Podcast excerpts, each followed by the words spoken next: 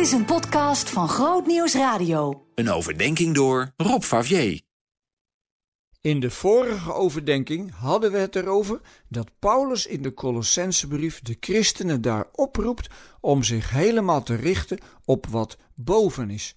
Oftewel op het feit dat ze met Christus opgewekt zijn uit de dood van het foute bestaan. En daar hoort natuurlijk iets bij: een totale ommekeer in levenswijze. En tja, dat moet elke keer ook weer tegen ons gezegd worden. Hij noemt heel wat zaken die niet in de haak waren: ontucht, zedeloosheid, hartstocht, lage begeerte bijvoorbeeld. Die hebben natuurlijk alles te maken met verkeerde gevoelens. Ook kerkmensen hebben die. Ook kerkmensen kijken soms stiekem naar foute zaken. Daar moet je niet aan meedoen, zegt Paulus. En zeker niet met de hebzucht, want dat is gewoon afgoderij. En je had juist besloten om alle goden van deze aarde achter je te laten en je te laten leiden door Gods liefde. Misschien dat je vroeger zo leefde, maar nu kan dat echt niet meer. Als je geen lijntje kan trekken naar Gods liefde, moet je er echt mee stoppen. En dat is natuurlijk best lastig, want in onze maatschappij worden heel wat dingen gewoon gevonden die eigenlijk niet gewoon zijn, maar het gevolg van doe maar waar je zin in hebt en trek je vooral van niemand iets aan. En midden in die maatschappij moet jij dus anders gaan leven. Terwijl je natuurlijk voortdurend beïnvloed wordt om juist al je begeerten en hebzuchten vrije loop te laten. Hoe ontkom je daar nu aan? Nou, zegt Paulus, je moet een aantal dingen wegdoen, maar dan blijft er geen gat achter. Dan komt er iets anders voor in de plaats.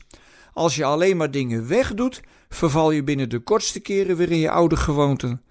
En die zaken die in de plaats van het oude leven mogen komen, zijn innig medeleven, goedheid, nederigheid, zachtmoedigheid en geduld. Een paar ervan doen denken aan het rijtje van de negen vruchten van de geest in de brief aan de Galaten. Maar daar staat geduld weer niet bij. En dat is nu precies ook zo'n heimelijke afgod, dat je geen geduld meer hebt. Wij leven vaak een beetje in de trant van: ik wil het en ik wil het nu. En eerlijk gezegd doe ik er zelf ook regelmatig aan mee, zeker als ik iets koop op internet.